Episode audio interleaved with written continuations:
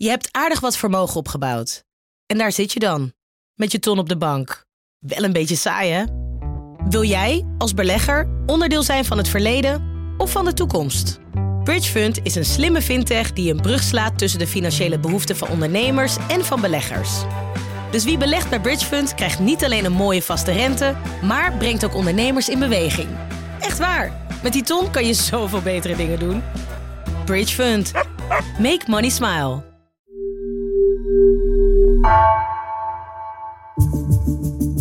Vanaf de redactie van NRC het verhaal van vandaag.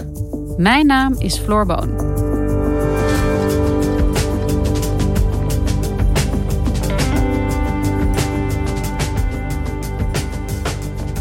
Minder vliegen, muggen, wespen, vlinders, hommels. Het gaat slecht met de insecten. Over de hele wereld en op grote schaal sterven er soorten uit. Hoe komt dat? En vooral, hoe erg is het eigenlijk? Wetenschapsjournalist Gemma Venhuizen ziet welke gevolgen insectensterfte kan hebben. Wat kunnen we doen om een rampscenario te voorkomen?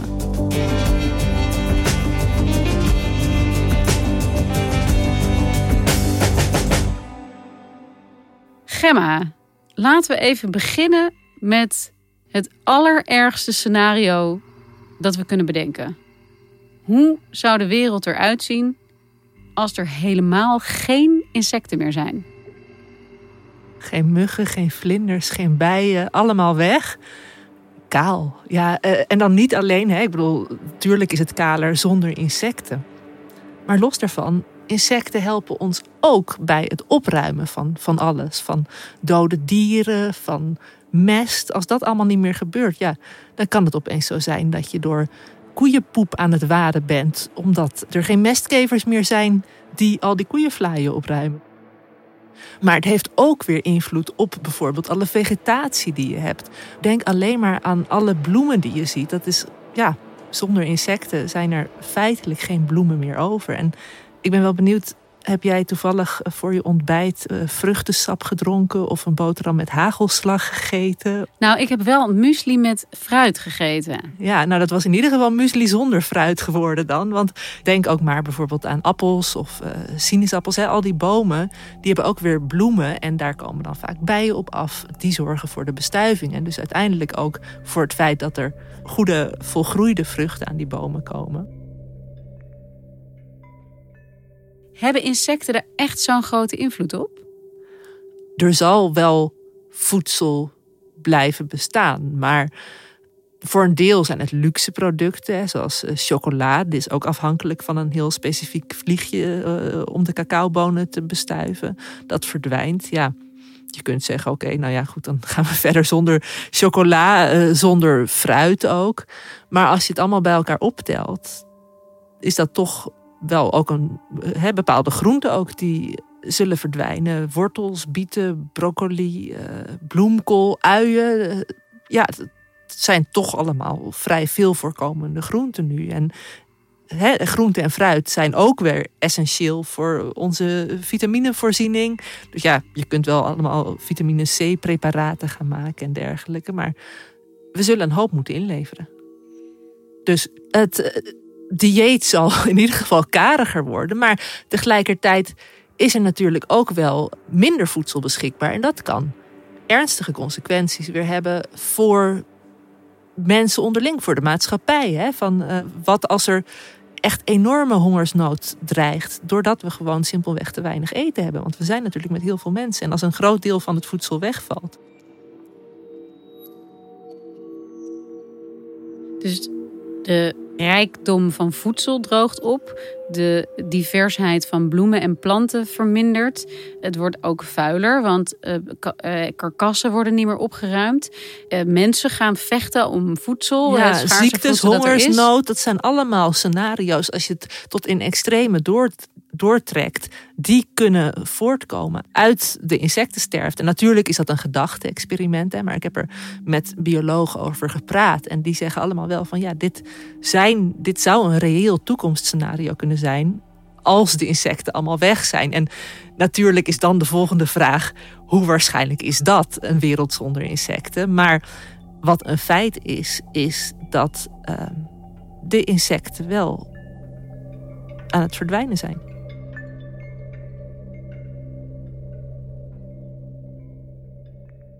Ja, want wat jij hier beschrijft, ik moet er niet aan denken. Hè? Dit is uh, wel een doemscenario, gelukkig, zoals je het schetst. Maar hoe staat het er nu echt voor met de insectenpopulatie? Waar staan we nu? Ja, dat is een goede vraag. En eigenlijk pas een vraag die wetenschappers zich heel recent zijn gaan afvragen. Um, biodiversiteit is natuurlijk een thema dat uh, je steeds weer terug hoort komen in het nieuws en de afname daarvan.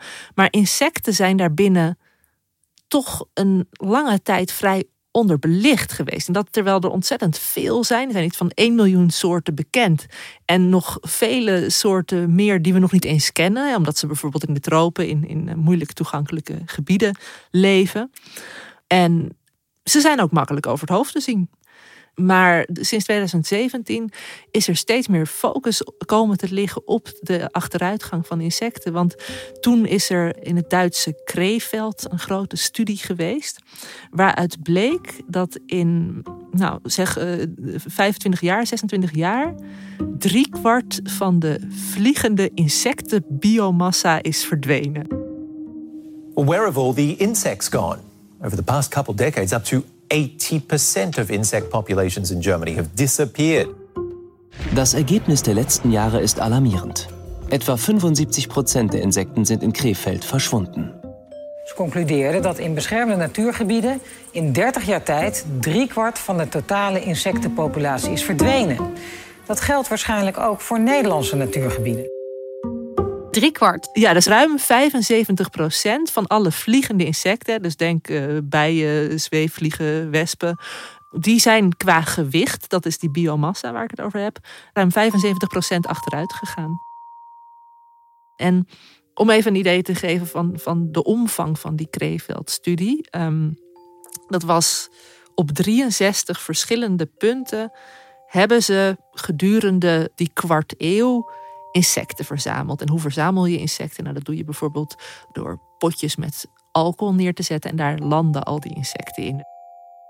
Maar bij die eerste studie hebben ze dus 25 jaar lang al die potjes verzameld met insecten. En daar konden ze dan uit afleiden dat het in die loop van de jaren het aantal vliegende insecten, zei je, met driekwart is verminderd. Ja, in gewicht dus. Maar daarbij was dus de vraag van Komt dat omdat toevallig één hele zware hommelsoort is afgenomen? Want je kunt je voorstellen dat als er één specifieke hommelsoort is die opeens niet meer voorkomt, dan weegt dat letterlijk op tegen heel veel soorten eh, kleine muggen en uh, eendagsvliegjes qua, uh, qua massa. En dat was een vervolgvraag. Want hoe vertaal je gewicht vervolgens om in insectensoorten of insectenaantallen? En daar zaten de wetenschappers zelf ook een beetje mee. Want als je over de biodiversiteit wil praten en daar conclusies aan wil verbinden, dan moet je ook wel hard kunnen maken dat de soorten rijkdom afneemt. Dus dat het niet alleen maar om die ene hommel gaat, maar dat alle, of in ieder geval bijna alle insecten, het moeilijker krijgen. En een van de betrokken hoogleraren van de Radboud Universiteit Nijmegen, dat was Hans de Kroon, ecoloog. Toen we naar buiten brachten dat uh, we driekwart van onze vliegende insecten in beschermde gebieden verloren zijn, over een tijdsbestek van minder dan 30 jaar, gaf dat natuurlijk een hele schok. Maar het, liep, uh, maar het riep natuurlijk meteen vragen op. Van uh, ja, wacht even, dit is geen biodiversiteit. We weten niet hoe het zit met aantallen soorten. Nou voelt iedereen natuurlijk wel aan als je driekwart van je biomassa verliest, de hoeveelheid insecten dat dat ook wel iets met die soorten moet gebeuren. Maar hoe dat precies zat, dat wist eigenlijk niemand. En er waren meteen vragen die we kregen die we niet konden beantwoorden. En um, dat is waarom ze nu een vervolg studie hebben gedaan.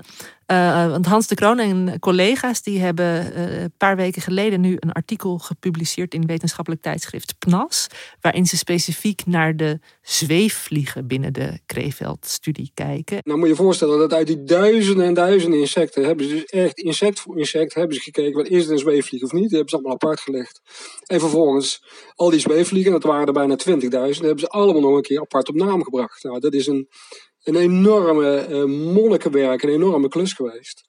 Die ze in de loop van de jaren voor elkaar hebben gekregen. En die uh, data hebben wij geanalyseerd. En ook daaruit bleek weer dat de afname van zweefvliegsoorten in 25 jaar tijd, uh, dat was zo'n 25 procent. Dus het is niet die 75 procent biomassa waar we het net over hadden, maar het is toch een kwart afname van de biodiversiteit over 25 jaar. En dat is op seizoensniveau bekeken. Maar van dag tot dag, als je puur naar 24 uursopname keek, dan kon het tussen verschillende jaren zelfs een afname van 80% zijn. En feitelijk komt dat er dus op neer dat je op een bepaalde dag 80% minder soorten tot je beschikbaar hebt om bepaalde planten te bestuiven of als voedsel te dienen voor andere dieren. En zegt dit onderzoek iets over de afname van de biodiversiteit als geheel? Ja, dat is interessant, want je kijkt natuurlijk alleen naar de zweefvliegen binnen de insecten. En toch zei Hans de Kroon wel van het is heel exemplarisch voor andere soorten. Weet je, ehm, in die zin kun je het als case study uh, in het grotere geheel bekijken. Als er alleen al binnen die ene eh, groep van zweefvliegen een soortenafname is, dan kun je er toch wel donder op zeggen dat dat ook bij andere groepen het geval zal zijn. Dat is natuurlijk heel erg opmerkelijk. Hè? Eh, we praten over een behoorlijk brede groep. 162 verschillende soorten zijn waargenomen. Uh, kleine 20.000 beesten. En dan zie je eigenlijk dat die hele uh, gemeenschap die, die neemt af. Een aantal soorten verdwijnen, komen niet verder meer terug. Zelfs redelijk algemene soorten komen niet meer terug. Ehm, er zijn dus eigenlijk geen winnaars. Er zijn alleen verliezers.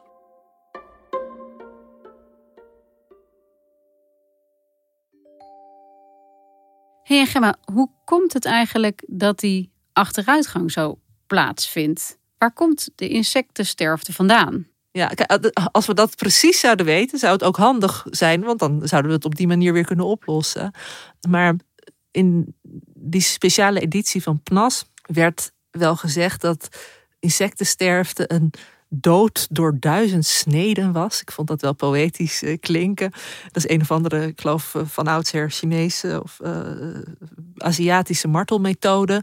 Maar waar het, waar, waar het eigenlijk op neerkwam is, er is niet één oorzaak aan te wijzen.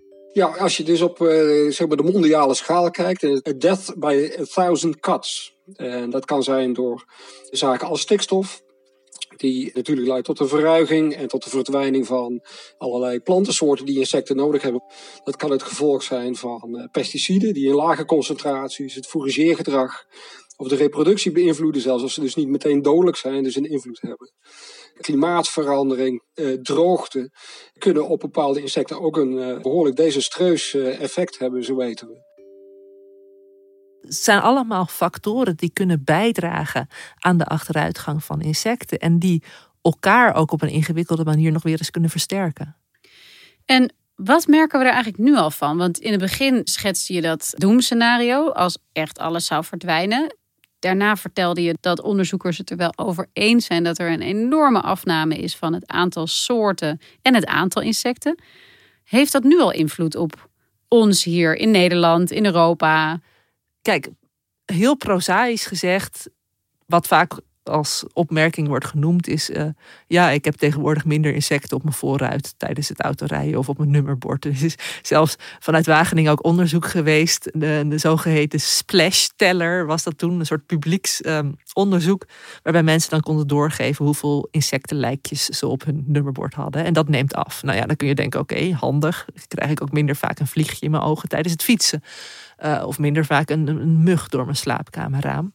Maar tegelijkertijd is er al wel onderzoek ook gedaan, uh, ook vanuit de Universiteit Nijmegen, waaruit bleek dat er wel indicaties zijn voor een zogeheten cascade-effect. Dus dat betekent dat andere soorten ook afnemen als gevolg van het verdwijnen van uh, insecten. En dat is dan bijvoorbeeld zichtbaar bij vogels.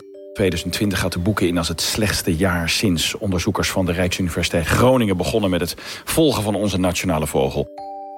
We weten gewoon uit het onderzoek dat die grutters structureel gewoon te weinig te eten hebben. Er zijn gewoon te weinig insecten beschikbaar voor ze om hun normale gewicht te halen.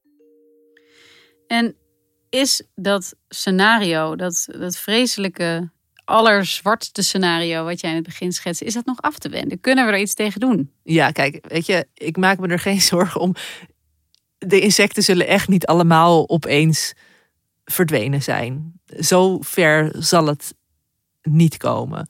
Deels daarvan ook omdat insecten in die zin veerkrachtig zijn. Als je weer de goede maatregelen neemt, dan nemen ze weer toe. En ja, wat zijn de goede maatregelen dan? Deels heel eenvoudig, kleine ingrepen die je zelf kunt doen. Nou, we zijn in Nederland, uh, zeggen wij uh, trots tegen onze buurman dat we de tuin aan het winter klaarmaken zijn. Alleen uh, wat dat dan precies behelst, dat winter klaarmaken, dat moet dus eigenlijk wel veranderen. wat dat betekent dus dat je je bladeren laat liggen, dat je door je takjes laat liggen, dat je wat door je planten laat staan. en zorgt dat die, die bodem op die manier optimaal wordt. En dat er dus gewoon overlevingsmogelijkheden voor de insecten zijn. Die moeten we niet allemaal opruimen. Dat zou echt heel onverstandig zijn. Als jij een tuin vol tegels vervangt door een tuin vol met bloemen, en dan vooral inheemse bloemen waar ook de inheemse insecten wat aan hebben, dan is dat al een stap in de goede richting. Als we minder insecticiden gaan gebruiken, dan kan dat ook meehelpen. We zien dat op het moment dat je de goede dingen doet en eh, de overduidelijke zaken achterwege laat waar bijvoorbeeld insecten last van hebben, dan veert zo'n gemeenschap terug. Uh, verschillende waterschappen hebben prachtige bloemrijke dijken. We hebben daar vorig jaar voor het eerst onderzoek naar gedaan. En dan zie je dus dat die insectengemeenschappen, wilde bijen bijvoorbeeld, echt enorm aan het opveren zijn. Dus het kan wel, als we het maar doen. Ja, want eh, het, het, het, het verhaal wat je vertelt is eigenlijk heel ernstig. Met hele grote gevolgen voor onze voedselvoorziening, voor ons landschap, voor uh, de biodiversiteit, voor de voor dieren. Voor de insecten zelf. Voor de insecten zelf. Echt gigantisch. Maar is dit nou eigenlijk een te groot, veelomvattend onderwerp voor mensen om door te hebben hoe belangrijk dit is? Het, het is deels, dat is een beetje paradoxaal. Het is deels te groot, denk ik. Uh, zijn allemaal soorten en allemaal oorzaken en zo. Er is niet iets één heel klein concreet ding wat we kunnen doen. En deels is het letterlijk te klein, omdat insecten gewoon geen eibaarheidsfactor hebben, zoals de panda en zo. En ook niet zo in het oog springen. Ik weet wel dat bijvoorbeeld de bij een tijdje heel erg uh, als misschien een soort knuffelinsect is neergezet. Je had allerlei acties van red de bij. En, ja, en dat, werpt zijn vruchten af. De bij is een heel duidelijk voorbeeld. Dat is ja, een insect waar we wat aan hebben. En uh, dat daardoor misschien ook dichter bij ons voelt dan al die, die zweefvliegen of zo. Ja, die dan op de achtergrond misschien wel voor een hele domino-effect aan vogelsterfte en andere soorten sterfte zullen zorgen. Maar ja, een beetje een ver van mijn bed show. Dus we zijn nog niet verloren, zeg je eigenlijk. Maar het zou wel heel goed zijn als uh, we wat meer het uh, aaibaarheidsgehalte van uh, de insect gaan inzien met elkaar. Ja, en nou, ik heb laatst echt met verwondering zitten kijken naar een libelle die ergens op een paaltje in de zon zat om een beetje op te warmen. En toevallig had ik een verrekijker bij me. En ik heb door die verrekijker heel erg in close-up naar die libelle gekeken. Het was een super mooi dier. En ik dacht, ja, ik heb nog nooit met zoveel aandacht. Weet je, normaal zie je ze wel een beetje over de vijver heen vliegen. En het maakt het ook zoveel leuker als je denkt, er zijn zoveel bijzondere soorten om naar te kijken. Ik bedoel, vogels kijken is voor veel mensen een hobby. Maar met insecten, ik zei al, we kennen iets van een miljoen soorten. Nou, je kunt je uitleven. En wat raad jij mensen nou aan? Of misschien de, generatie van de toekomst die uh, wat beter voor dit probleem misschien zou kunnen gaan zorgen dan mensen die nu alleen maar denken aan vervelende muggen die ze het liefst willen doodslaan tegen de muur. Ja, nou blijf die verwondering voelen. En uh, zorg ook voor lekker veel groen om je heen. Uh, nou ja, speciaal op de kinderen gericht vraag je ouders om het gras wat minder vaak te maaien, zodat ook alle, alle bloemetjes daarin blijven staan. En het mag allemaal best wat rommelig en diervriendelijk zijn. Rommelig en diervriendelijk. Dankjewel, Gemma. Ja, nou, op, naar, op naar buiten. Je luisterde naar vandaag, een podcast van NRC. Eén verhaal, elke dag. Deze aflevering werd gemaakt door Anna Korterink en Ruben Pest. Dit was vandaag. Morgen weer.